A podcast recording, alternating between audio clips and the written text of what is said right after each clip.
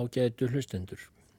Fyrir viku síðan þá fjallaði ég hér um breska landkönnuðin og ritthufundin Richard Burton.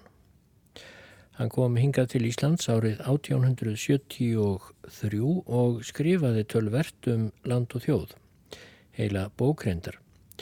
En við afar takmarkaða hrifningu Íslendinga, en það litu Íslendingar þá og kannski en þá svo á að öll skrif um land og þjóð sem ekki fela í sér taumlaust lof og prís hljóti að flokkast sem nýð og svífirða. Svo var allavega raunin um skrif Börtons á 19. öldinni. En hafi Íslendingar talið sig bera skarðan hlut frá borði í skrifum Börtons, hvað máttu þá svartir Afrikumenn segja? Því þegar hann lísti ferð sinni inn í myrkviði afríska frumskóarins, ferð sem hann fór raunar einum 15 árum á undan ferðinni til Íslands, þá kemur glögt fram í dómum hans um mannlíf og samfélögu í Afríku að hann beinlýnis fyrirlítur hinn að svörtu íbúa. Börton er það sem við uh, myndum nú kalla rassista og ekkert annað. Það voru margir Evrópumenn um þær myndir Mest kom kannski á óvart að Burton hafði gífurlega mikið álit á aröpum, persum og indverjum. Hann fyrirleitt sem sagt ekki alla aðra en Evrópumenn eins og sumir hér í álfu gerðu. Það voru svartir Afríkumenn sem nánast einir fengu að sitja að fyrirleitningu hans. En Ég ætla að halda áfram í svipiðum dúri þessum þætti og lesa nú um setniferð félaga Börtons, John Hanning Speaks, á sömu Afríkuslóðir, rúmu ári eftir að þeir Börton sneru tilbaka. Það hafi verið eitt af megin markmiðum leiðungurs Börtons og Speaks að finna upptök Nílarfljóts sem fellur eins og mann vita til sjávar í Egiptalandi eftir að hafa runnið eftir eh, Afríku næri endilangri en upptök uh, árinnar hafði ekki tekist að finna svo óíkjandi væri. Þess vegna lagði Spík aftur upp frá eiginni Zanzibar út af Tansaníu ströndum í april 1860 og var á samt grantan okkurum í fararbróti leiðungurs sem taldi einhverja tögi manna. Það voru leiðsögumenn, burðarmenn, tveir bissuberar frá Zanzibar sem höfðu líka verið í fyrri leiðungrinum, menn arabískra rættar, Bombay og Mabruki héttu þeir. Þessi leiðungur braust með erfiðismunum inn í frumskógin upp af ströndu Austur-Afríku og náðum síður að hinnu geysi stóra stöðuvatni sem brettar gáfi setna nafnið Viktoríuvatn til heiðurs drotningu sinni og svo heitir vatnið enn. Brettar vissur endar lítið um þetta vatn þegar þarna var komið sögu en leiðangur, spíks og grants braust norður með vesturströnd vassins og þeir hugðust reyna að komast að því hvort á norðurströndinni væri vassfall sem hliti þá að vera upprunni nílarfljóts. En nú er best ég leifi enska bladamanninum og rittvöndunum Alan Moorhead að segja söguna. Hann skrifaði um ferðalagið skemmtilegu og fróðulega bók árið 1960 eða fyrir heilum 60 árum síðan. Bókin hans heitir Kvítaníl og fjallar um Ímsa landkönnunar leiðangra og ímislegt annað. Engum áratugin, áratugina 1855 til 85 og eh, flestir áttu þeir leiðangrar að finna upptök nílar en voru auðvitað um leið partur af nýlendupólitík og heimsvaldastefnu breyta sem annara Evrópuþjóða. Það er merkilegt að þótt múrhett fordæmi kvarvetna alveg afdráttarlust, rasisma og kynþáttafyrirlitningu sumra þeirra landkönnuða sem hann skrifar um í bóksinni þá myndi nú sumt í texta hans teljast frekar uh, vafasamt. Jafnveg nú rúmum 60 árum setna. Þá meini ég ekki síst hugliðingar hans um menningarstíg þeirra þjóða sem Evrópumennir hittu fyrir og hlustendur munu nú hitta fyrir eftir andartak því ég sé ekki ástæðu til annars en lesa útleikingar Múrhets orð réttar eða svo gott sem. Þær segja nefnilega líka sína sögu. En getið ykkur á fyrirvaralausum fullringum hansum villimennsku til dæmis, þótt Alan Múrhet sé greinilega húðvætn maður og leggji sig fram um að fordæma rassismann í löndum sínum hundrað árum fyrir. Og eitt ber að taka fram. Hlustendur munu kannski neyjast til að evast um sumt af því sem ég les hér og eftir um Mútesa konung í Búganda og heyrði líf hans en eftir því sem bestur vitað þá eru þessar lýsingar raunar mjög sannfærðugar því miður.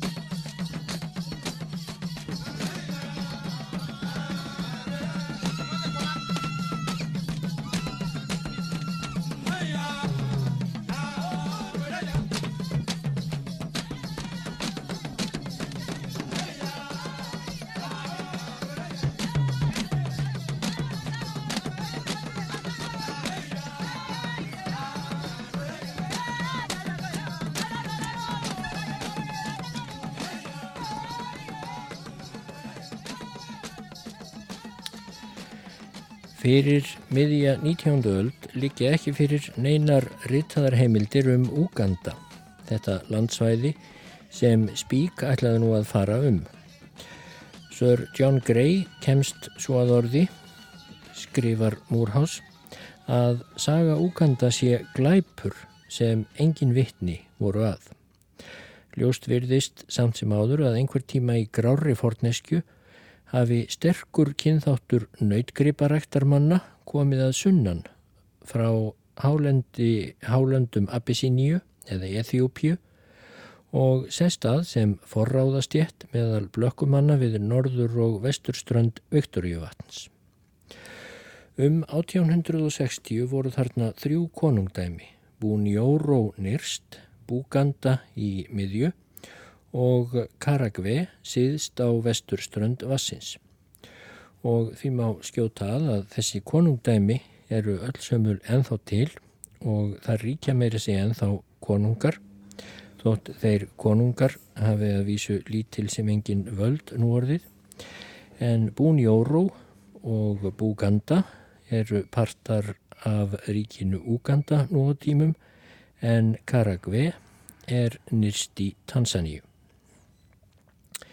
En auk þessara þryggja ríkja voru mörg önnur ætta þjóðfylög á þessum slóðum en þessi þrjú litlu ríki höfðu um það leiti sem spík var þarna á ferð vissa samstöðu mitt í algerri villimennsku umhverfisins eins og uh, múrhett kemst að orði. Þau mynduðu að nokkur leiti lítinn kjarna hálfmenningar í miðri Afríku og íbúarnir þekktu ekkert til annara landa eða lifnaðarhátta. Þeir hefðu valla verið meira einangraðir þóttir hefðu búið á tunglinu. Venjulega voru það örlög slíkra þjóða í mið-Afríku að staðurna gjörsamlega á þroskabrautinni. Öll framfara viðleitni leiðundir lok, þorpin mjökuðust ekki af steinaldarstíginu og öld eftir öld snýrist tilveran í lokuðum hring, erðavenja og eldgamalla síðakerfa. Þar var engin löngun til að kanna nýjar leiðir, breyta til eða bæta lífskjörin. Sér hver ný kynnslóð gaf sig á vald því ástandi sem hún ólst upp við og öll hugsun kapnaði í vanaviðjum hjátrúar og hindurvitna. En í þessum þremur litlu konungsríkjum var þessu reyndar allt öðruvísi farið. Þar höfðu orðið miklar framfarir. Á nokkurs fordæmis eða utan að komandi aðstóðar höfðu þau um miðja 19. öld skapað sér sjálfstæða menningu sem bar langt af því sem þekktist sunnan Sahara. En heið fyrðulega um þetta fólk var þó ekki að það skildi hafa náð þessu menningarstígi. Heldur hitt hver menningarþróun þess var misgeng. Það náði langt á sumum sviðum en misti fullkomlega margs á öðrum. Hinnar villimannlegustu siðvenjur heldust í hendur við fágætt menningarfyrirbæri. Hús þeirra voru til dæmis gjör ólík hinnum leiðinlegu reysum tanganíkamanna um þær myndir. Þau reysi þeirra myndu helst á líkistur. En þessi voru stór og keilmynduð, þjett og fagurlega ofinn úr reyr, tágum og sefi og voru oft um 50 fett á hæð. Þessi hýbíli voru þurr og þægileg þegar ringdi og svöl í hitum og þau voru ólíkt indislegri á að líta en nokkrar þær byggingar sem hafa verið reistar í Úganda á 20. öld. Hljóðfæri þessa fólks, bumbur, hörpur og lúðrar voru og hinn merkilegustu og menn ferðuðust um vatnið á gríðarstórum vatnabátum sem voru alltaf 70 fetum að lengd. Körfur þeirra voru fléttaðar af slíkri snild að þær heldu vatni og þeim hafði lærst að búa, til mjúkan og slítgóðan fatnað úr trjáberki. Engin maður mætti vanklættur fyrir konungi sínum. Í búkanda varðaði slíkt reyndar við lög. Konungurinn hafði ílskó á fótum klættur síður í skikju sem stundum var prýtt með slægi af fagurlega saumuðum antilópuskinnum. Hvorki konurinn ég karlar skemdu hörund sitt með örum eða húðflúri eins og aðrir ættflokkar mið Afríku og þegar þeir settust að mat þá þóðu þeir hendur sínar fyrst. Heimilistrælar sem töldust að nokkru til fjölskyldunar rétt eins og í Rúslandi fyrrum tíð, þeir báru fram matin sem var með ákveðnum menningar brag, eins konar grautur úr banunum, fiskur og kjötmauk, sætar kartöblur og viltur sikurreir. Kaffibönnir voru tögðar til að bæta meldinguna og bananar voru hafðir til bjórgerðar, bæði konur og karlar rektu. Í Búganda sem var auðugast og framsæknast hinn að þryggja ríkja var konungurinn algjör einvaldur en hann hafði ráðgjafa nefnt sér við hlið þar sem ennbættum var skipt. Þar var forsætisráð þeirra, fjehyrðir, yfirfóringi landhers og aðmýrál stríðsbátaflótans á Viktoríu vatni, yfir böðull, yfir bruggari og trumbumeistari, auk margra annara, lægri embættismanna og undirfóringja. Mynduðu þessir menn aðalstjett sem var skildugt til að vera konungi stöðugt til þjónustu við hyrðina. Hyrðsýðir voru nákvæmir og mjög strángir. Engin mátti setjast í viðurvist konungs, nýja heldur án leifis hans og klæðaburður var bundin ströngum reglum. Þegar konungurinn byrtist hlupu, krupu hyrðmenn til jarðar þar sem hann var álitinn þýnaðir guðulegur eða minnst að kosti andikinn stopsins í eigin personu. En með öllum þessum ströngu kröfum um síðareglur og háttvísi þá kunnu þessir menn samt ekkert til skriftar eða reiknings, enga aðferð til að skipta tímanum í vikur, mánuði eða ár. Þeir þekktu ekki einföldustu tækni áhöld svo sem hjól eða pló og trúarbröð þeirra einskorðuðust við frumstæðustu hjátrú og galdrabröð. Þeir fylgdu kenjum sínum og tilneyingum eins og vandræðabörn og grimdin gatt fyrir tömlaus. Á stundum virtust þeir yfir þyrmast af æðislegum móðursíkiskostum og það var algengt, bæði meðal karla og kvenna, að drekka frá sér ráðurrænu og alla meðvitund. Það var mikill munur á þessum þremur konungsríkjum og ekki er ósynlegt að náttúralandsins hafi leiið þar til grundvallar. Bún Jóró í norðri er þurrara og hrjóstrugra en landið sem likur að ströndum Viktoríu vatns. Mánuðum saman kemur ekki drópi úr lofti og á stórum svæðum er landið vaksið hörðum og þurrum kjargróðri svipað og í mið Tanganíka. Þar voru menn þekktir að hörku og þólgæði. Þeir voru minni heimsmenn en strandbúarnir en mun herskári. Konungurinn Kamrasi bar þessum eigindum þjóðarsinnar vissulega gott vitni. Hann var maður harðalindur og tortrikinn á sjóranningjavísu og hattur hans beindist sumpart gegn Búganda, hið siðra, og sumpart gegn uppreysnargjörnum bróður hans, Ríonga, sem réði yfir eigu í Nílarfljóti. Karagve við vesturströnd Vassins er opnarland, mikið af því likur um 5.000 fett yfir sjáarmáli og það er eftirtektarverður frískleiki og byrta yfir landslæginu. Fyrir einni öld dreifðust miklar nautgripahjarðir um hinnar víðlendu gresjur og með ströndum Vassins svipar landinu til hinna öldóttu hér aða Suður Englands. Á fyrir tíð var þetta mikið gósenland viltra dýra. Þúsundir af fílum, gíröfum, vísundum, antilópum og naserningum áttu þarna heimkjenni kynni, og enn má sjá nílarhestana skreiðast eins og drauga upp á ströndina að næturlægi. Hér var það á litlum stað sem nefndist Beran Jangve að Rúmaníka, konungur Karagve, hjælt heyrð sína. Þar sem hann af einhverjum ástæðum mátti sín minnst hinn að þryggja konunga, gerði hann sér farum að halda vinnfengi við stjórnendur Búni Óró og Búganda með gjafasendingum og virðingartáknum og viðurkendi raunar að hann væri eins konar undirkonungur Búganda fyrstans. En Rúmaníka átti þó sitt róril. Hann helt sérstakt kvennabúr með konum sem voru svo feitar að þær gáttu ekki staðu upp réttar heldur skriðu um eins og selir um gólfið í kofum sínum.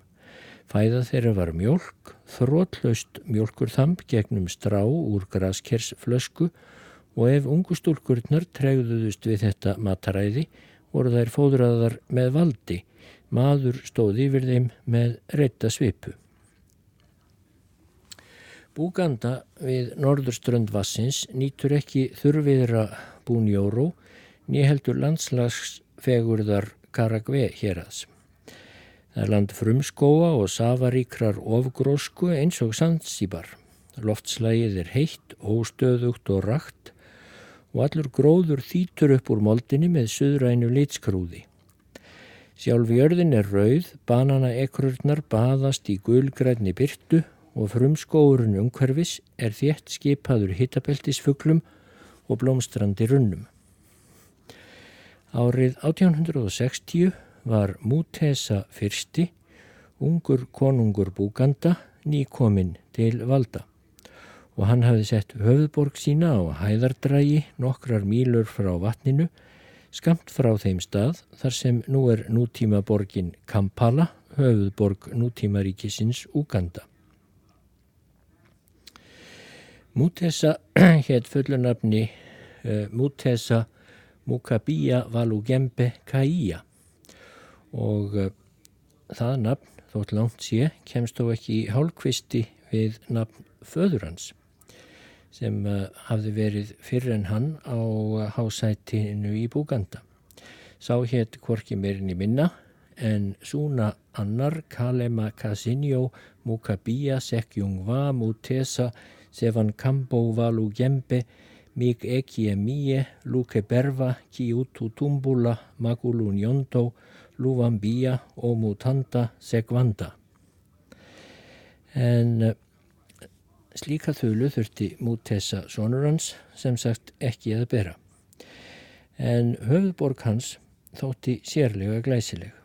Ferðamenn komu til borgarinnar eftir breyðum vegi sem hafði verið högvinn gegnum frumskógin og þá mætti auganu þyrping af fagurlega mynduðum ringlaga kofum sem dreifðust um hlýðarnar og þar var fjöldi fólks á ferð. Konur genguða mestu naktar eða með stutta mitt í skílu en karlmennir í skikkjum sínum myndu einna helst á hinnar hefðbundnu dýrlingamyndir þar sem hinnir útvöldu ganga um garda paradísar eins og Harry Johnston komst að orði. Konungsgarður Mútessa var þyrping af sérlega rúmgóðum kofum í miðriborginni og þar held hann sínar daglegu morgun áhernir. Sitjandi á graspalli með rauðu áklæði, umkringdur aðli sínum, þjónaliði og konum sem voru um 200 talsins. Um þetta leiti var Mútessa rúmlega tvítur, ungur og spengilegur maður með fallegar tennur og mikinn augnsveip. Það fyrir brettar lísánum. Hárið var skrift upp í hanakamp, skikjan var bundin yfir aðra aukslina og handleikir og fótleikir voru skreittir breyðum böndum úr lituðum perlum.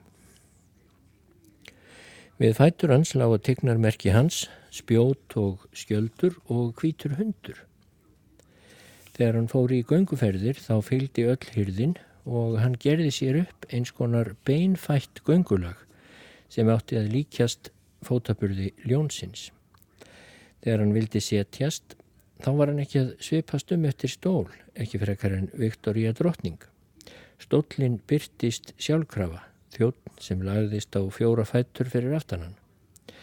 Þegar konungi þóknaðist að tala, hlustaði öll hyrðin í dauðathögn og síðan vörpuðu sér allir til jarðar og rópuðu aftur og aftur eitthvað sem hljómaði eins og njan sík og átti að tákna bæði innilegasta þakklæti og dýfstu auðsveifni. Mútesa var í stöttumáli mikil sáttarmadur, jáfnvel þá þegar á hennum fyrstu árum ríkistjórnar sinnar og hann hefði líka getað borið nokkra tign ef málum hefði ekki verið þannig farið að það var langt frá því að hann væri nokkur dýrlingur í görðum paradísar. Hann var satt að segja blóðþyrstur og miskunarlaus grimdar sekkur. Varla leið nokkur dagur án þess að einhver væri meittur eða tekin af lífi að bóði hans og þetta var framkvæmt af skyndingu og hendingu eins og það væri leikur. Stúlka hafi brotið hyrðstíði með því að tala of hátt. Þjóni hafi láðst að opna eða loka dyrum og eftir merki frá mútessa þá voru þau bæði dregin hljóðandi burtu til högstokksins. Trumpur voru barðar til að yfirknæfa ángistar veinin. Ekkert af því sem rauða drottningin í Lísu í undralandi fann upp á var æðisgengnara en ímis tiltæki mútessa í hvert sinn sem hann helt fund með hyrðinni en þau voru því miður hryllilegur raunveruleiki. Það var litið á svona morð sem sjálfsagðan hlut að fórnarlömpin væru brend lifandi að þau væru hand- og fóthöggvin, eirnastífð eða að konur væru grafnar lifandi með líkum einmanna sinna. Þetta var annað og meira en venjulegur blóðþorsti. Mútesa þurkaði út líf eins og krakki sem stýgur ofan á pöttu. Hann hugsaði ekki andartak um afleiðingar eða þær þjáningar sem hann olli. Hann fann ekki til með neinum nema sjálfum sér. Það verður þó að segjast að það var vist ekki mút þessa sjálfur sem hafi tekið upp þessa siði. Allir fyrir rennarar hans, en þær veitaðum að minnstakosti 20 konunga á undan honum, hafðu svipaða hætti og þessi síðarlögmál förum skóarins voru í fullu gildi meðal minniháttar ættflokka einnig. Ef höfðingin held ekki upp í hjátrúarfullri okn og óta meðal líðsins þá helst honum ekki lengi á völdum. Þegar Mutesa settist á konungstól þá let hann þegar í stað brenna lífandi 60 bræður sína og virtist þetta álitin fullkomlega eðlilega ráðstöfun til að koma í vekk fyrir uppreist. En þess má geta að svipaðarháttur var hafður á við hýrð ottoman Tyrkja í Istanbul þegar nýr soldán kom þar til valda. Þá máttu fjölmarkir bræður hans aldeilis vara sig. En auk meðfættrar grimdar hafði Mútesa aðra og merkilega einleika. Hann var langt frá því að vera nokkur einfeldningur. Þegar hann var komin til valda hafði hann fljótlega lærst svo list að tefla mönnum hverjir gegn öðrum með réttri útdeilingu gjafa og hann virðist hafa borið tölvert skín á pólitískar stöðveitingar og vissi allt um gildi þess að láta umsækjendur býða í voninni. Það er auðvelt að hugsa sér hann í gerfi svipriðarleikarans, kynþátt á höfðingin umkringdur trumbum sínum, nögtum konum og svörtum strísmönnum, en eins og brátt kemur í ljós, þá var hann miklu meira en þetta. Í þessu vilda umhverfi helt hann konungleiri reysn og virðingu þrátt fyrir allt og hafði meðfætta stjórnmálahæfileika. Utanríkispolítík hans var til dæmis svo að láta Rúmaníka í fríði í Karagve en halda uppi ófríði við Kamrasi í Bunjóró. Þetta var að vísi ekki mjög alvarlegt stríð. Skotvopn voru enn ekki komin til sögunar þarum slóðir og ekki heldur arabískir þrælafangarar sem engdu ættflokkana hvern gegn öðrum þegar framleiðu stundir en þetta var þó hendu aðferð til að komast yfir nautgripi og hvern fólk og Kamrasi var þá að meðstakosti haldið í skefjum. Þannig var þá háttað fyrir hundrað árum þessu litla einangraða ættflokka þjóðfélagi sem fram að því hafði haft frið til að móta sín eigin örlög inn í hjarta mið Afríku. Þessi þrjú litlu ríki voru enn á stíi upprunnulegra lifnaðarhátta og óttin var heið ráðandi afl í hversmanns hugarheimi. Á hinbógin hafði þetta fólk enn ekkert að segja af illfylgjum menningarinnar kynnsjúkdómar, bólusótt og kvikfjárpestir voru óþektar bláur. Riðjuverk mútt þessa snertu ekki almenna lifnaðarhætti fólksins. Það hafði gnægð matar og drikjar og það virtist ekki óhugsandi að fólkið hafi álitið sig búa við hamingju eða minnstakosti njóta örlaga bundinnar og fastmótaðrar tilveru sem það hafi engan huga á að breyta. Það var ekki nema dauðvasta bergmál sem barst í að utan frá þrælaveiðurum sem komu frá Egiptalandi upp með Níl eða Arabalestunum frá Zanzibar í austri. Ef til vil var þetta eins konar etten skarður, grimmúðlegur vissulega og viltur en fast mótaðar og hvað sem öðru leið var hann ósnortin er Spík og Grant, hinn nýji félagi hans, heldu inn í Karagve í árslokk 1861 en þá var einangrunin loks rofin. Þessir tveir landkönnuður höfðu verið meira en ár á leiðinni frá Sansibar og öll reynsla fyrri leiðungurs, Spík og Burtons hafði endur tekið sig nákvæmlega. Allir menn þeirra að örfa á umundanteknum, svo sem Bombay og Mabruki, höfðu strókið frá þeim.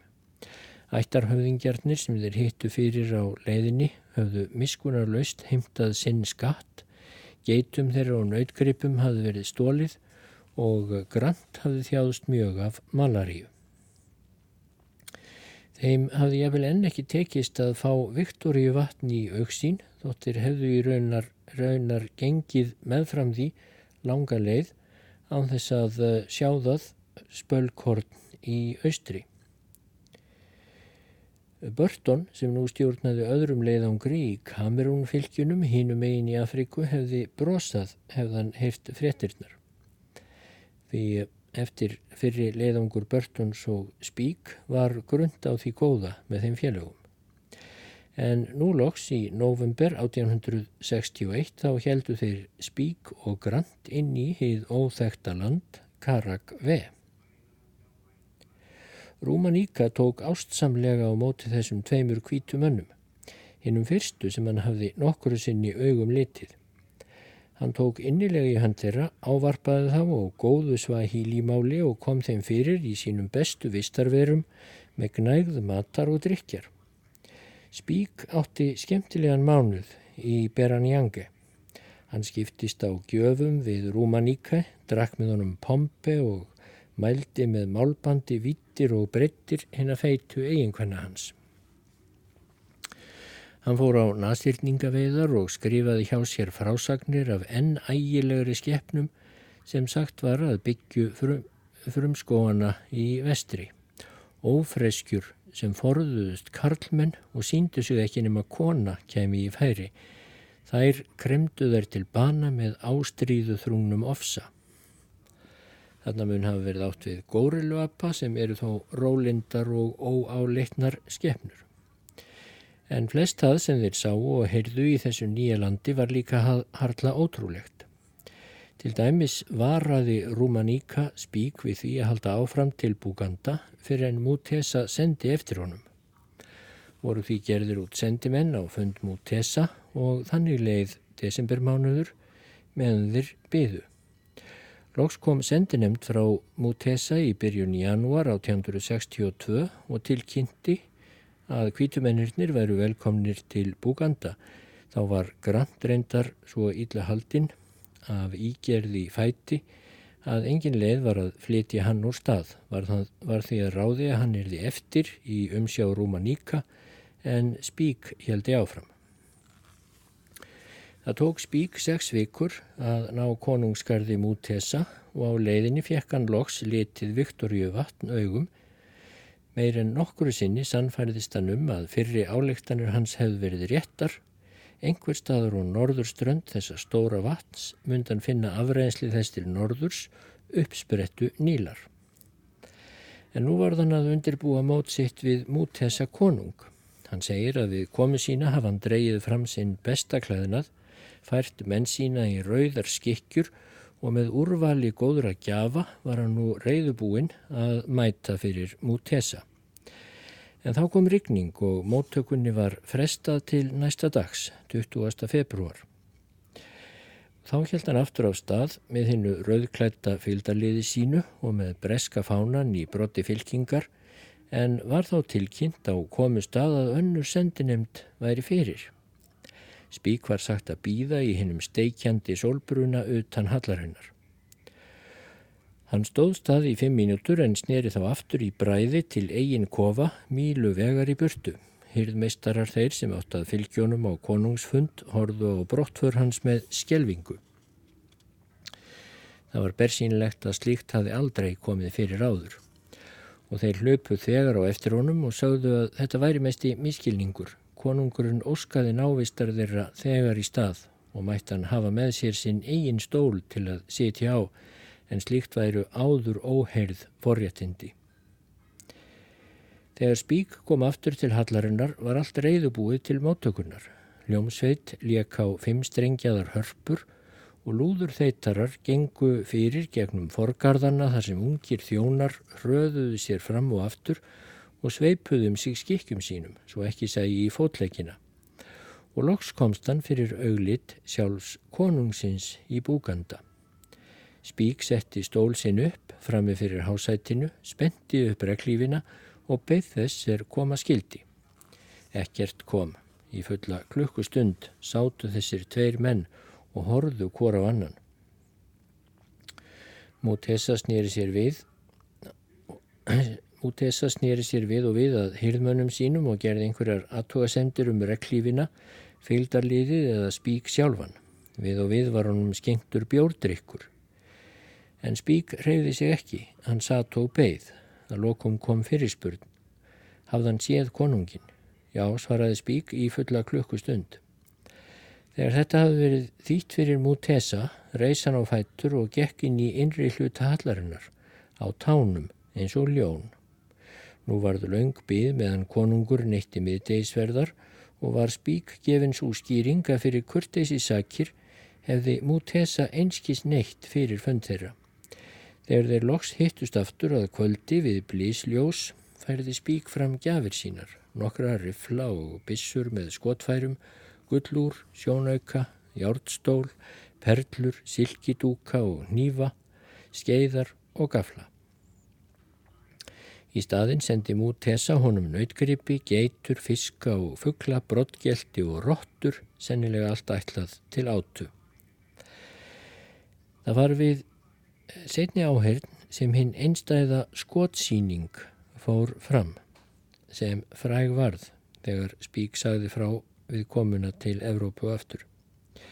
Spík var beðinum að sína töfra skambissa sinna með því að leggja fjórar kýraðvelli.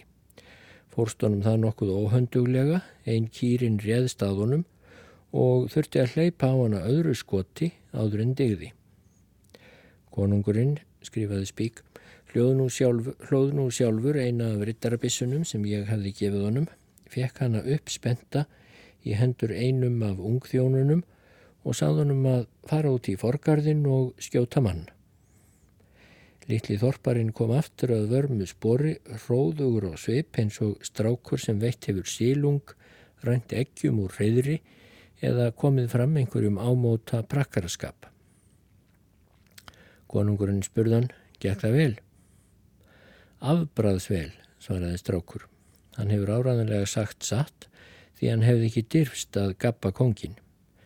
En atvikið vakti valla nokkra aðtegli. Ég frétti af því, ég frétti aldrei af því framar og það virtist ekki ríkja neitt áhuga á því hvaða einstaklingur það hefði verið sem strákurinn myrti þarna kongi sínum til fróðuleiks. Ekkert fekk nú skilið mútesa frá þessum nýju leikfengum sínum eftir þetta.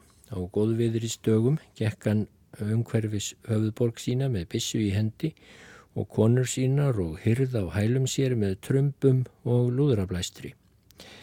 Ef honum hefnaðist að skjóta niður gamma á trjágrein var sem hann yfir þyrmdist af eigin töframætti.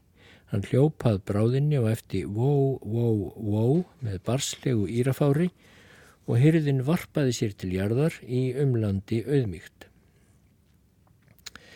Kvennaskari sá sem fylgdi múti þessa hvar sem hann fór virtist hafa nokkra forréttindastöðu en þær voru þó ánauðugar engað síður.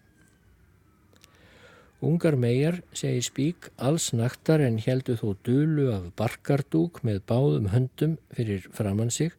Þær voru leittar fyrir konungin af feðrum þeirra til afbötunar fyrir eitthvert afbrót og til að fylla kvennabúr konungsins. Stundum var Spík send einhverja þessara stúlkna að gjöf og let hann fylgdarmenn sína fá þær að konum. Konungamóðurinn sem Spík segir að hafi verið fögur, feit og 45 var hins vegar í nokkuri valdaðstöðu og held sína eigin hyrð skamt frá höll mútessa. Hún var sjaldan ódrukkin, drikja, reykingar og dans voru helstu dagrastýttingar við hyrð konungamóður og það var sísta förða þótt hún kvartaði við spíkum erfiða drauma og slemsku í maga. Hann gaf henni innantökur úr meðalkistu sinni og ráðlaði henni að hætta að drekka. En hún var ekki góður sjúklingur. Dag einn er spík heimsótana lendan í stór svalli sem endaði með því að konungamóðir og gæðingar hennar, gæðingar hennar svolgruðu bjór úr trógi á fjórum fótum eins og, já, eins og svín.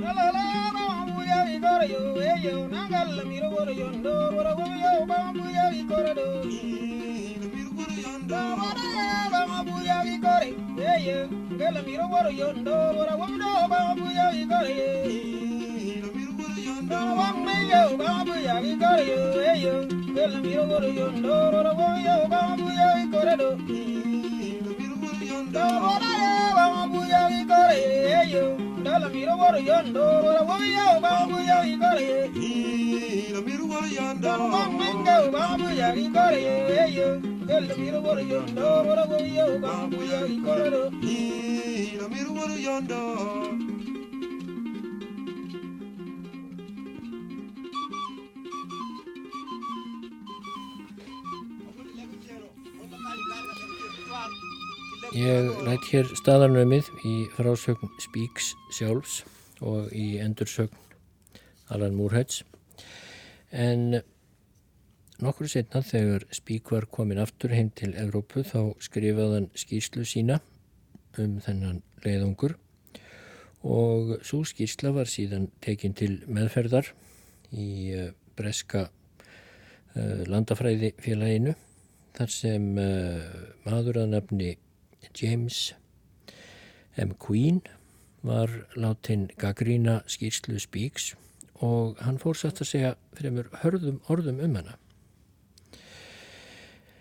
Hann hættist til dæmis mikið að langri lýsingu Spíks á þeim verkfræði störfum sínum þegar hann mældi konur Rúmaníka konungs fram og tilbaka en allt það hafðan tilgreint nákvæmlega í skýslu sinni og eh, síðan kvartaði M. Queen yfir því af hver mikilli aðdáun.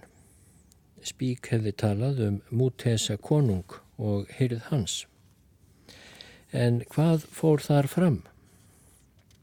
Skrifaði M. Queen.